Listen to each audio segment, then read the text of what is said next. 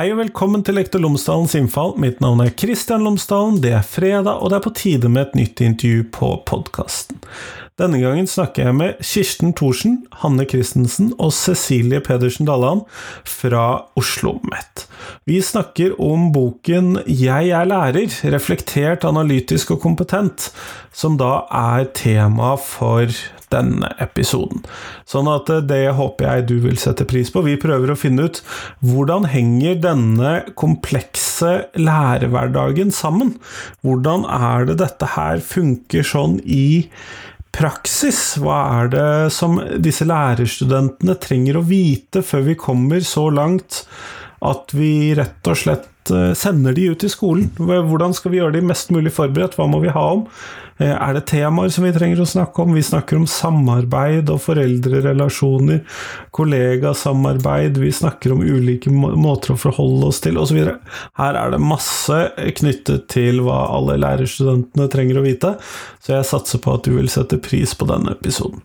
Alltid litt komplisert med tre personer i en, eller fire personer faktisk, i et uh, digitalt studio, men uh, dette blir interessant.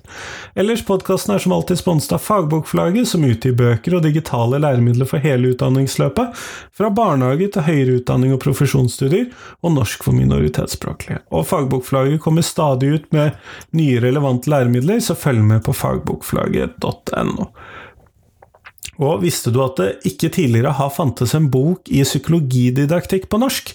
Og nå gjør det nettopp det, for boka Psykologididaktikk er den første boka på norsk for de som skal undervise i psykologi 1 og 2 i videregående skole. Og psykologididaktikk det er noe man bare kan ta studiepoeng i ved Universitetet i Bergen, litt skryt til min hovedarbeidsgiver der, eh, men det er også masse lærere som har dette faget og underviser i dette ute i skolen. Denne boka kan være aktuell for alle dere. Det er masse spennende der. Det er om vurdering i faget, lærerrollen, masse fine forslag til undervisningsopplegg. Så finn den på fagbokforlaget.no. Men nå, nå får du Thorsen, eh, Christensen og Dalland her. Vær så god.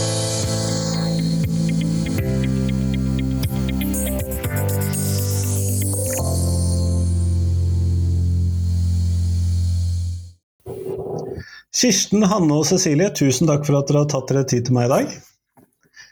Før vi, før vi kommer sånn ordentlig i gang med denne episoden, så trenger jeg at dere forteller lytterne mine tre ting om dere selv, sånn at de kan få bli litt bedre kjent med dere. Og da starter jeg med deg, Kirsten.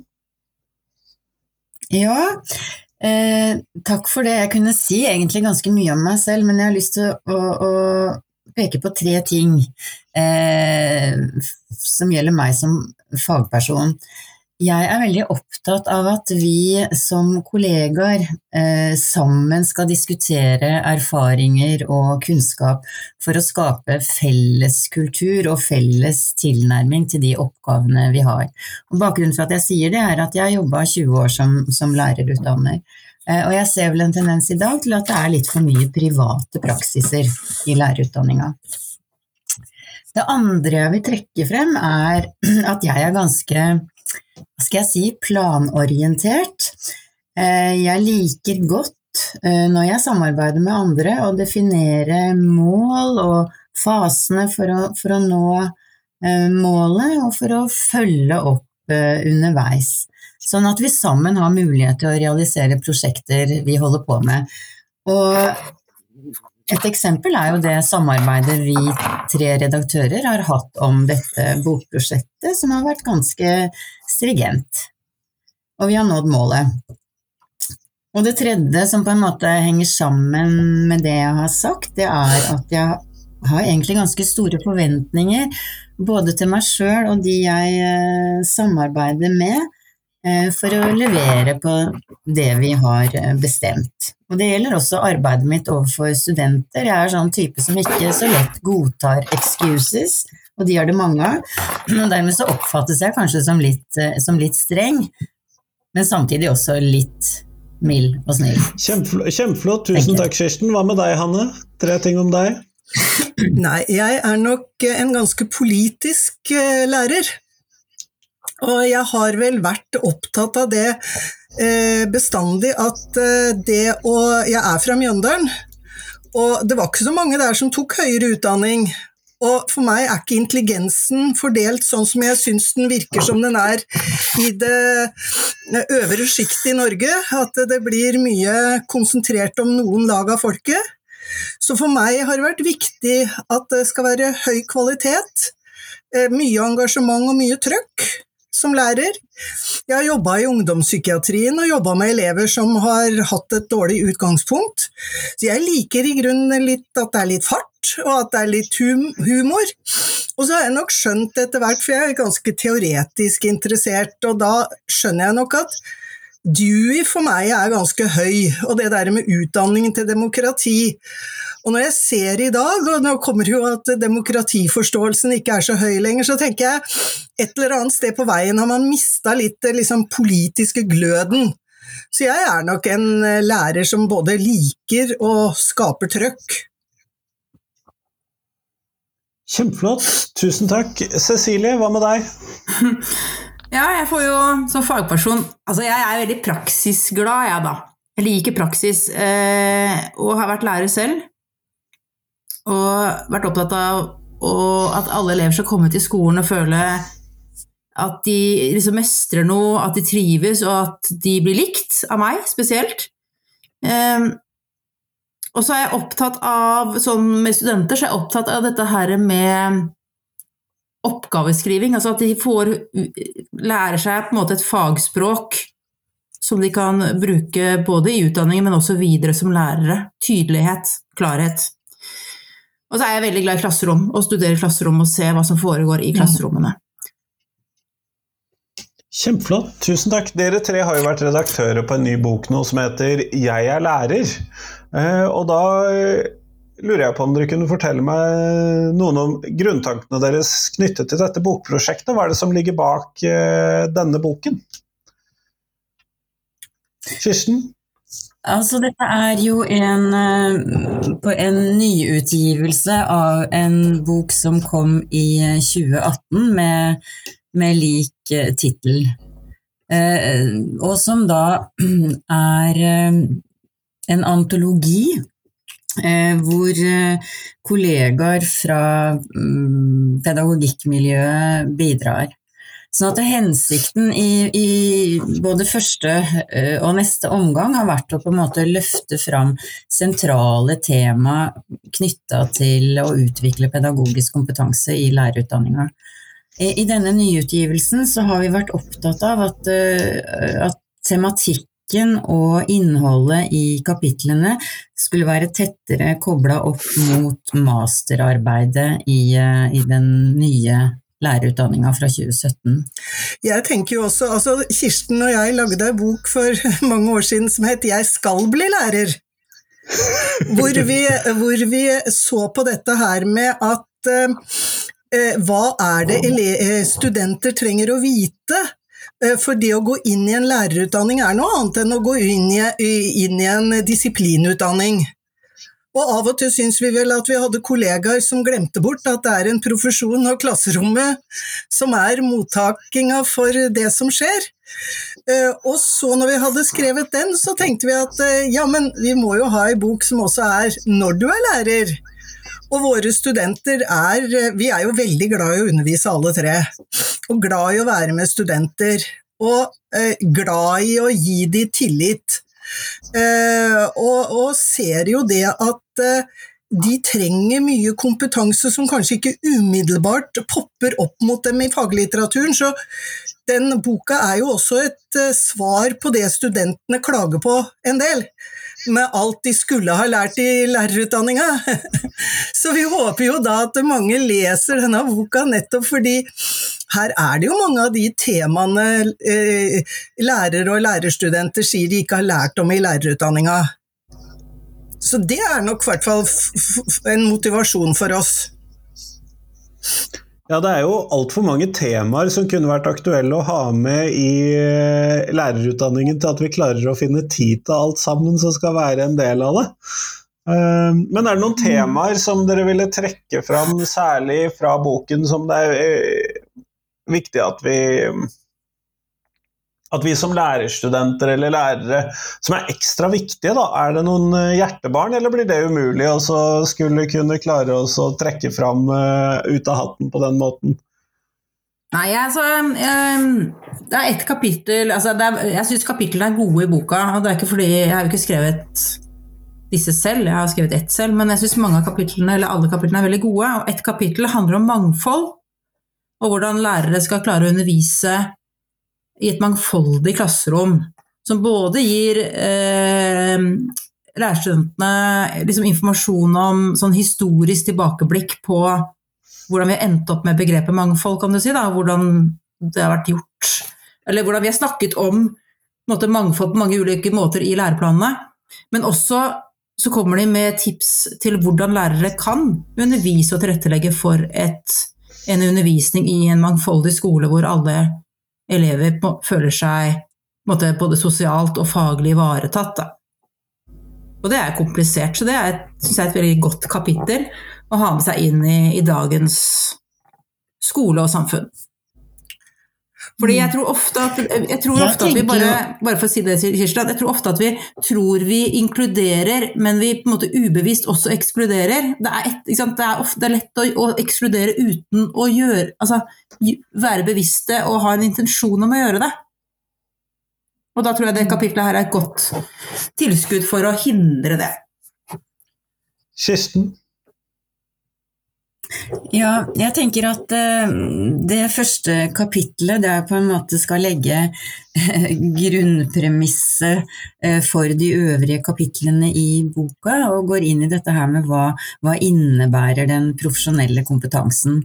Og det tenker jeg at det kapitlet tar opp veldig relevante og interessante og riktige tematikker som det er viktig at studentene diskuterer i, i undervisninga. Altså hva, hva innebærer dette ansvaret, og hvilke dilemmaer oppstår knytta til dette ansvaret? Og da beveger vi oss over i det som på en måte er kjernen i lærerarbeidet, nemlig utøvelse av skjønnet. Eh, og erfaringen med å bruke dette kapitlet inn i undervisninga, det er jo at vi får opp veldig mange eh, spennende diskusjoner og personlige betraktninger og spørsmål fra, fra studentene. Hanne? Ja, og så tenker jeg at uh, både det mangfoldskapitlet, men også alt om spesped, alt om de, fra det forskjellige, så er vi ganske opptatt av at uh, PED-en skal ha fagbegreper og presisjon. Fordi at eh, PED-en kan, kan, liksom forfalle til norsk stil, holdt jeg på å si.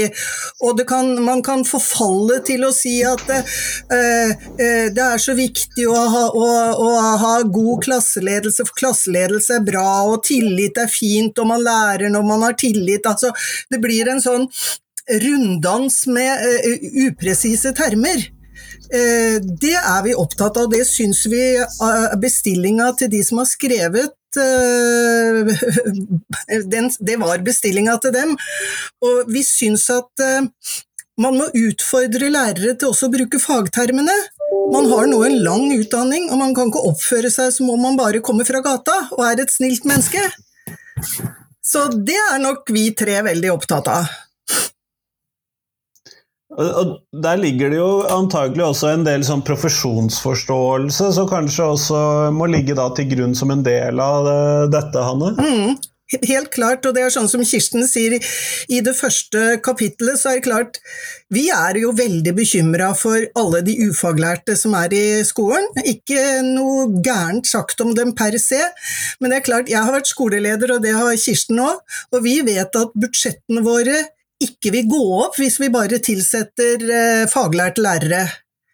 Eh, og derfor så er det jo et eh, Det er for lite bevilgninger til skolen til at man kan tilsette folk som er profesjonelle. Og det er et stort politisk problem som jeg syns det snakkes altfor lite om. Det det snakkes om, er alle mangler som kan være i en lærerutdanning, og det, jeg skal ikke si at det ikke er det, men vi må holde den profesjonelle fanen høyt, og det må lærere sjøl gjøre også. Kirsten? Eh, Jeg har lyst til å si litt om sånn, hvorfor akkurat disse temaene i, i boka. Ja, fordi at eh, Cecilie og jeg, vi har nå i, eh, i to år eh, hatt ansvar for de som velger å ta master i det vi kaller for profesjonsretta pedagogikk. Eh, og det vi ser ut fra temaene studentene velger, det er at de er spesielt opptatt av dette med mangfold og inkludering, som også Cecilie pekte på. Eh, De er opptatt av eh, sosial ulikhet. De er opptatt av hva det vil innebære å være en profesjonell lærer. Eh, Og, og kanskje særlig liksom sånn, hvem er jeg i det, i, i det profesjonelle, og utforske det. De er selvfølgelig, da, som det også har vært nevnt, opptatt av dette med, med, med skole-hjem-samarbeid, men også det med samarbeid i profesjonsfellesskapet. Det er noe de undrer seg over. Eh, og også det med å bruke digitale hjelpemidler i skolen, at de ser på en måte at, eh, at læring og klasseledelse på en måte i større grad blir knytta til digitale, den digitale virksomheten. Eh, Cecilie, der, Kirsten nevner jo da disse kapitlene knyttet til samarbeid her. og Det er jo attpåtil to kapitler om samarbeid alene, og det tilsier jo at her er det mye kompliserte greier. Eh, Er det noe, sånn, noe særlig du ville trekke fram? Du har jo hatt ansvar for eh, skole-hjem-samarbeid-biten der.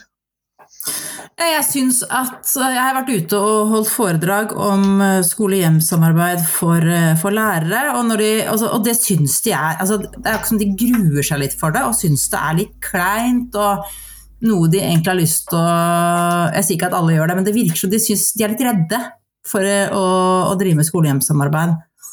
Eh, så jeg tror at det kapitlet det viser liksom hvor viktig det er. For det er jo sånn at uh, du er den profesjonelle, og du vil selvfølgelig møte noen foreldre som kan være litt uh, Kanskje litt kravstore, eller, eller Altså, de De er litt vanskelige. Eh, men hvis du legger et grunnlag hvor de foreldrene og også elevene forstår at eh, vi vil dette barnets beste Hvis du begynner på en måte det vi kaller å jobbe med dette i fredstid, da, et godt skole-hjem-samarbeid i fredstid, så er det så mye enklere å, å fortsette et godt samarbeid når det er et strev. Enten med en klasse, eller med en elev, eller med en elevgruppe. Når da har du basisen i bånn. Så, så det å, å, å, begynne med det som, som nyutdannet lærer, å jobbe aktivt med å få en god dialog og få et godt skole-hjem-samarbeid, det betyr at det er så lite som skal til. Det er ikke mye arbeid, det er så lite som skal til før, du, før de foreldrene opplever at denne læreren, dette er en god lærer, vil mitt barn og min klasse, eller den klassen det beste. Og det prøver vi å få fram i, den, i, den, i det kapitlet. Men også dette her med kommunikasjon. Hvordan du måte, kan prøve å kommunisere tydelig slik at det er forståelig på andre enden. For det skjer jo noe i kommunikasjonen. Og også er åpen for å få kommunikasjon tilbake, at du er, er, har lyst til å vite det, hvis det er noe som skjer, eller noe som er vanskelig. Og at du er mottakelig for å få høre hva som skjer. F.eks. på hjemmefronten, eller hva elevene strever med. Kirsten? Jeg tenker på dette med skole-hjem-samarbeid. Det er mye oppmerksomhet om det i media for tiden. Eh, og, og, hvilket ansvar lærerutdanninga har. Men så tenker jeg det er jo sånn at du, lærerutdanningen kan ikke forberede for alle utfordringer som vil skje i yrket. Altså, stud disse studentene som lærere, de skal være noviser en, en, periode, de skal prøve seg ut. Og vi har vært der alle sammen eh, under ganske hardere forhold, hvor vi bare fikk timeplanen og et nøkkelknipp og vær så god, sett i gang. Eh, uten noe nettverk rundt oss. Eh, så det tenker jeg det er også viktig å kommunisere til studentene, at du skal ut i et yrke, du skal måtte stå i ting som er tøft og vanskelig, og gjøre deg erfaringer, og så skal du tåle det. Og Det er det vi også prøver å diskutere en del med studentene. Hvor sterk er du på en måte til å kunne tåle det trøkket du skal ut i, som i veldig mange andre yrker. Hanne? Sånn at vi løser ikke alle utfordringer. Gjennom Nei, kapitlene det i boka. ville kanskje vært litt mye å håpe på. Hanne, vær så god. Ja, så er vel erfaringene våre er at eh, lærere vil på en måte gjerne ha instrukser og eh, rammer for hva de skal gjøre, men blir de rammene for stramme, så vil de ikke ha de. For man vil jo utforme sin egen virksomhet selv. Det er jo da du går hjem fra jobben og er happy, når eh, du har eh, lagd et undervisningsopplegg som har truffet, og kanskje truffet, elever som ikke har vært så interessert, eller ikke har fått til ting, at de plutselig så knekker de en eller annen kode. Eh, det er, jo da, det er jo det som er gleden med å være lærer. Og så skal det, sånn som Kirsten sa i starten, så skal kollegiet og ikke minst ledelsen stå rundt og hjelpe læreren. Og jeg er vant til fra min egen tid som skoleleder at vi aldri satte en ny lærer alene med foreldre på høsten. Da var bestandig noen fra ledelsen med, eh, i større eller mindre grad. Eh, og evaluerte etterpå det som hadde skjedd. Så det er jo noe med å kjenne sin besøkelsestid som skoleleder òg, når du får disse flotte unge menneskene. Altså jeg vil hevde at det fins nesten ikke flottere studenter i Norge enn lærerstudenter. De vil så vel, og de er så ivrige og engasjerte, og de kunne valgt mange andre yrker, eh, men de velger lærerutdanninga, og de står på. Eh, så ta godt vare på de som dere får ut, altså, og prøv å beholde de så godt det går, lar seg gjøre. Men eh, når vi da eh, skal gjøre da dette samarbeidet med, eh, med hjemmene og sånn, hvordan skiller det seg, slik dere ser det, fra det samarbeidet som skal foregå i kollegiet? Er det noe lettere, vanskeligere, mindre, mer komplisert, eh, andre ting å tenke på? Det er kanskje et vanskelig spørsmål. Ja. Ja, jeg tenker at det, altså det er eh, to ulike samarbeidsrelasjoner. Det er i dag på en måte en forpliktelse for, eh, for læreren å, å samarbeide i, i, profesjonsfellesskapet på ulike arenaer. I teamfellesskap og i skolens uh, store fellesskap. De skal samarbeide om å planlegge og også gjennomføre undervisning reflektere over hverandres praksis, og de skal også bidra i skoleutviklingsoppgaver. Og jeg tenker at det det er på en måte en type samarbeid der du skal på en måte utvikle deg selv profesjonelt, og du skal bidra til eh, utvikling av, av, skolens praksis, og at det er noe annet enn det samarbeidet du skal ha med andre aktører. Cecilie?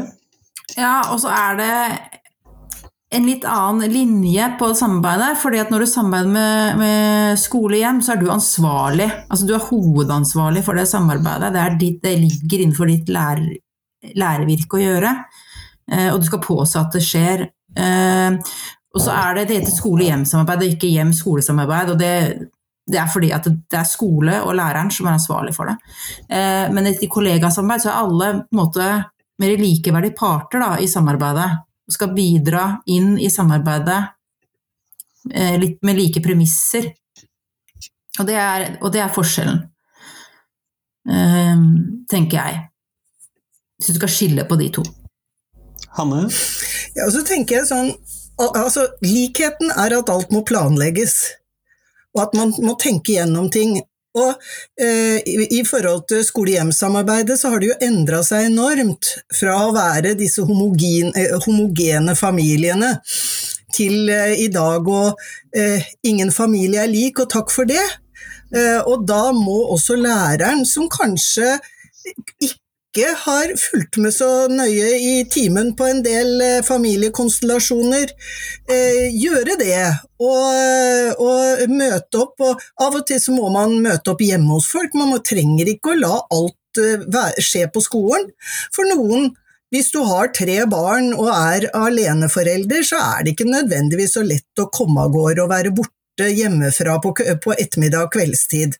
Så det der med fleksibilitet og kommunikasjon med hjemmet tror jeg er vesentlig. Så tror jeg i grunnen noe av det samme gjelder det kollegiale, at man må være fleksibel og ikke sitte og si Nei, dette gjorde vi for ti år siden, det gikk ikke da, det gidder vi ikke, liksom. Eh, eh, men også at ledelsen, når eh, ansatte sier dette blir bare byråkrati og ikke noe som gjelder for klasserommet av denne eh, skoleutviklinga, så må man lytte. For det er klart, ledelsen har et annet behov for å lage skjemaer og gi melding til overordna enn det lærere har, som, de, som har lojaliteten sin til elevene og foresatte. Sånn at eh, man må ha en forståelse begge veier for det, det mm, oppdraget man har. Da kommer man langt, vet du. Også med litt godt humør, da, så går det bra. Men ja, Kirsten? Ja, eh, ikke sant, vi har Denne boka her er ment å, å skulle være et grunnlag for å gi inspirasjon til studentenes masterprosjekter. Alle lærerstudenter skal skrive en masteroppgave siste år.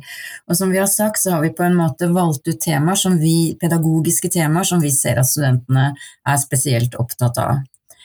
Eh, men så har jeg lyst til å peke på et eh, dilemma for det en landsdekkende undersøkelse viser, og som vi også kan bekrefte på, på Oslo OsloMet, det er at når studentene skal hente inn informasjon til sine masterprosjekt, så intervjuer de lærere. Altså de får annenhåndsinformasjon. Eh, og jeg tror nok det at disse masteroppgavene ville vært mer relevante for den enkelte student, og kanskje også for profesjonen, om de var mer praksisbaserte. Eh, så det tenker jeg er en utfordring, også når disse temaene tas opp med studentene. At de, at de, får litt sånn inspirasjon til å bruke praksisfeltet til å gjøre sine masterprosjekt. At de mer forsker i praksis, f.eks. om skole-hjem-samarbeid. Får tilgang på en skole, mm. på en klasse. Eh, kan gjøre undersøkelser med lærere, med foreldre, delta på foreldremøter osv. Altså her fins det mange muligheter. Uh, ja. Nå kunne jeg egentlig tenke meg å si mye om praksis, men det skal jeg ikke. Hanne, vær så god. Nei, jeg har jo skrevet om det flerprofesjonelle samarbeidet.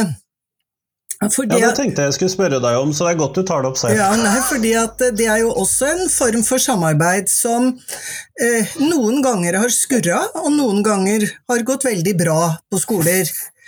Eh, det som eh, jeg har, Siden vi er opptatt av det med skolen som organisasjon, så er det jo det at mange av de andre profesjonene de er jo ikke en del av skolens fellesskap, de har andre arbeidsgivere.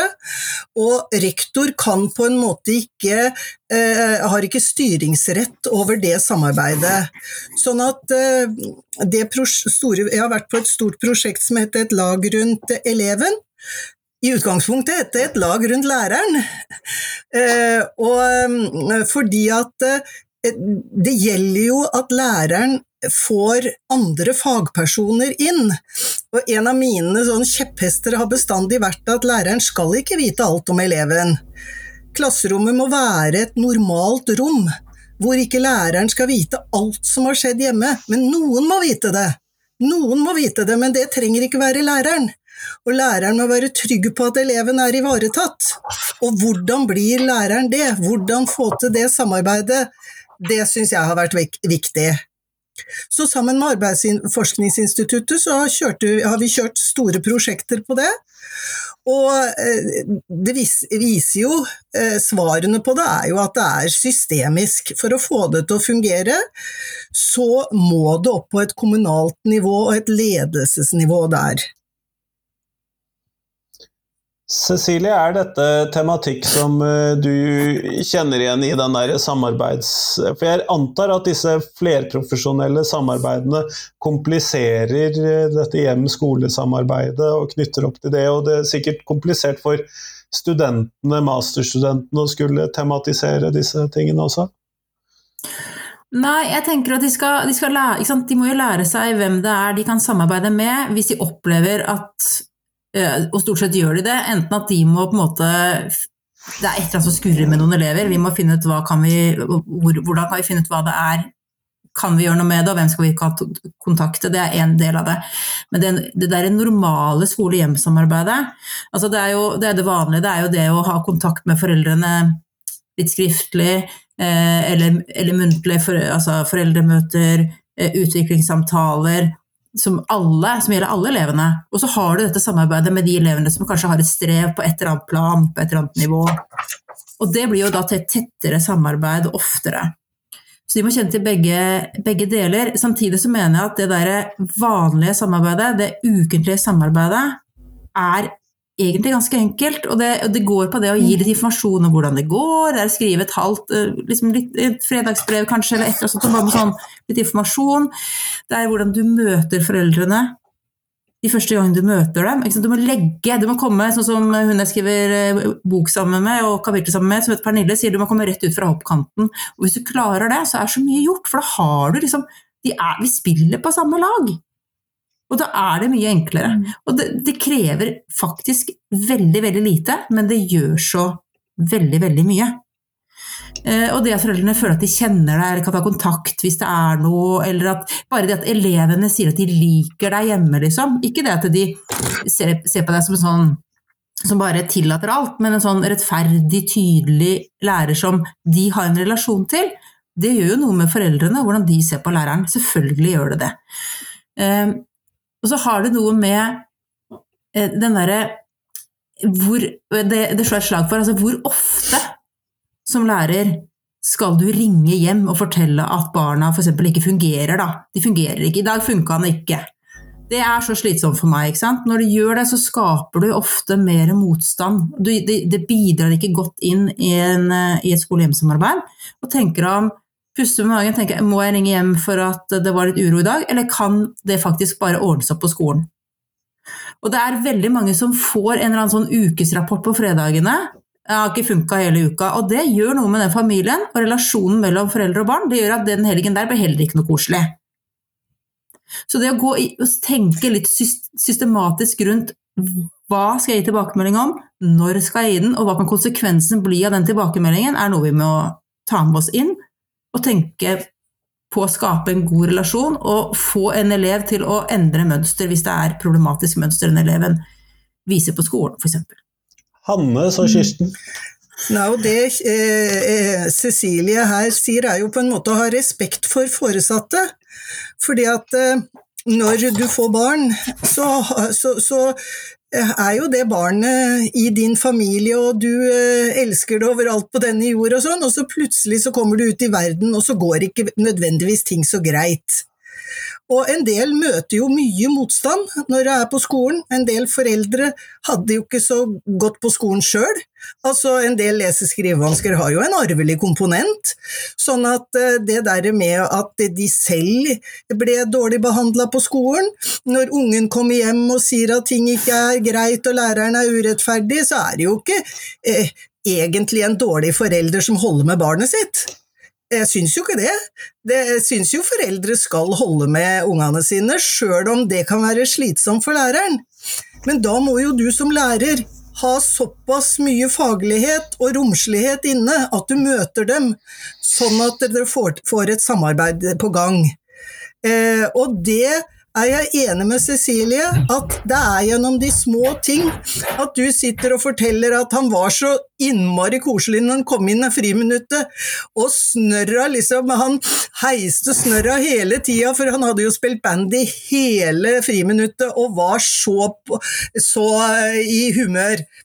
Og så kan foreldra le litt og kjenne igjen akkurat det, og så kan du komme inn på andre ting etterpå. Men du må vise foresatte at du har sett barnet deres, og at du liker barnet deres. Det tror jeg alle foreldre gjerne vil, og det må du som lærer. Mm. Kirsten? Ja, og det Ja. Det er jo vår, eh, vår, plikt og vårt profesjonsetiske ansvar. Men jeg tenker at det er også noen eh, aktuelle dilemmaer her som jeg tenker det er viktig å diskutere med studentene. Altså Én ting er å ha respekt for eh, foreldrene. På den andre sida så veit vi det i dag at vi har en ganske krevende foreldregruppe.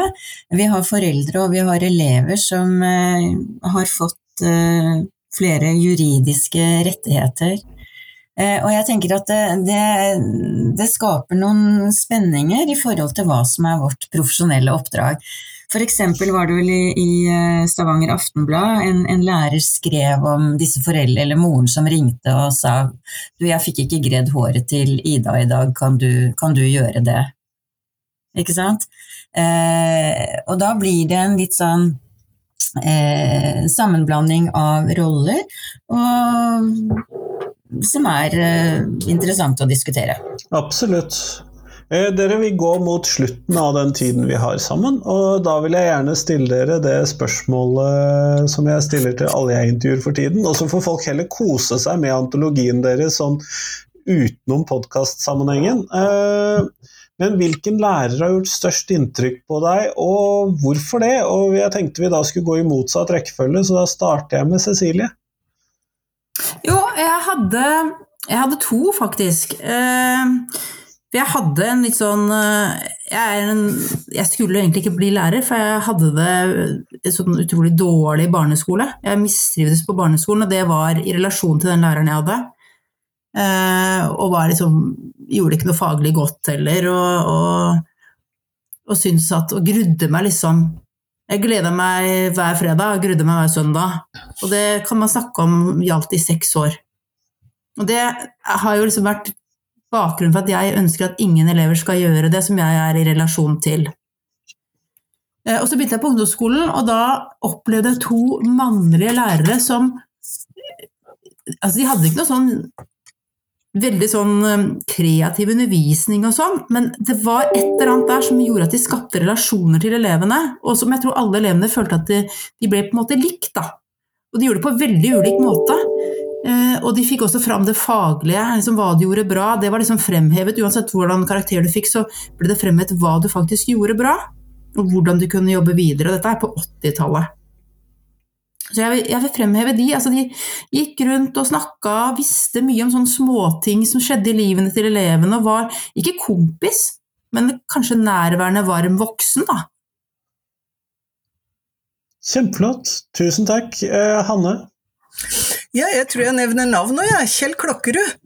Jeg hadde den på barneskolen, jeg hadde den eh, på mellomtrinnet, og han var faglig veldig flink og veldig sånn holdt på med orientering og glad i natur. Og så var han NKP-er. Og det var ikke mange som var. Og jeg har tenkt på det i ettertid, at han kom ung til bygda vår fra Østfold, og var bare så ålreit. Han var hel ved. Han gjorde ikke forskjell, han lot oss få masse ansvar. Jeg elska å organisere skuespill, og vi lagde til jul og til alle anledninger, og han ga oss så mye liksom, tillit. Eh, så var jeg seinere så heldig å bli kollega med han. Og eh, han er bare hel ved, og det er veldig, veldig deilig å møte noen mennesker som er bare det. Så Kjell Klokkerud, han han skal ha ei stor stjerne. Kjempeflott, tusen takk. Eh, da er det deg, Kirsten. Vær så god. Ja. Jeg hadde nesten håpet du skulle starte med meg, sånn at vi hadde fått de positive historiene til slutt. Fordi at jeg tenkte på det Vi fikk jo dette spørsmålet av deg i forkant, hvilke lærere som har gjort inntrykk. Eh, og jeg har eh, i hele min karriere hatt med et skremmebilde av eh, en lærer og som jeg har lyst til å fortelle om. Eh, og som er fra min tid på folkeskolen, og det er nesten ikke til å tro. Fordi at vi hadde i noen år noen lærer, en lærer som var veldig autoritær, og som var strengt religiøs. Han var så religiøs at han ble omtalt på skolen som reserve-Jesus. Og han skremte oss med historier fra fortellinger fra Bibelen og De ti bud. Eh, men i ettertid så har jeg tenkt en del på hvordan denne læreren også var med på å forsterke de sosiale ulikhetene som var i klassen. Eh, blant annet ved å snakke om foreldrenes eh, yrker. Eh, og en, en ting som ble sagt til en medelev, og jeg husker det veldig godt, og han sa til lille la oss kalle han Ola, at det er jo ikke så mye å få, jeg forventer ikke så mye av deg, Ola, du vet, du har jo en pappa som kjører søppel. Og det ble sagt i klassen. Ja. Nei, eh, jeg er enig i at eh, det var et nedtrekk fra de to første, men samtidig det er ikke, Noen ganger så blir vi lærer på grunn av, noen ganger blir vi lærer på tross av, eller motsatt på grunn av. Men Cecilie, du ville ha en replikk, så jeg. Nei, jeg tenkte jeg skulle heve det litt, da. Ja. Bare sånn kort. Jeg var ute i praksis med noen studenter og skulle besøke de, og, og de hadde en fantastisk mannlig lærer. Og det jeg la mest merke til, og jeg ba dem også observere han videre for å liksom ta til seg det, var at fra han, han gikk ut i skolegården eh, på begynnelsen av dagen eh, Vi stilte opp ute, tror jeg. Og fra han på en måte kom ut og hadde ledet klassen inn, dette var femte klasse, inn i garderoben, eller i gangen, og så inn i klasserommet de satte seg ned, så han har snakket med hver eneste elev på en eller annen måte. Eh, så alle hadde blitt sett av han. Det var helt strøm... Altså det, var, det var så flott å se på, og jeg tror ikke jeg ville klart det, men det var en så fin måte, hadde det i de sin hule hånd. Fulgte opp ting fra dagene før, og sa noe positivt til hver enkelt elev. Ja, men det er jo godt du fikk henta oss inn igjen opp på en positiv note. Samtidig, eh, vi skal ikke glemme disse varseltrekantene også. Eh, Men jeg tenker Jeg har lyst til å bare si det at jeg tenker at vi, vi vet veldig godt at det er mye motspill som skjer der ute. Eh, vi får rapporter om hendelser i skolen hele tiden, og vi kan ikke, altså læreren går ikke helt fri, så det er veldig viktig å være oppmerksom på eh, lærerens atferd i forhold til å skape eh, motstand blant Mm. elevene. Ja, men Kjempeflott. Tusen takk, alle tre. Takk for at dere tok dere tid til meg i dag. Veldig hyggelig. Selv takk. God helg! Ha det, ha det godt og en riktig god jul etter hvert. Ha det.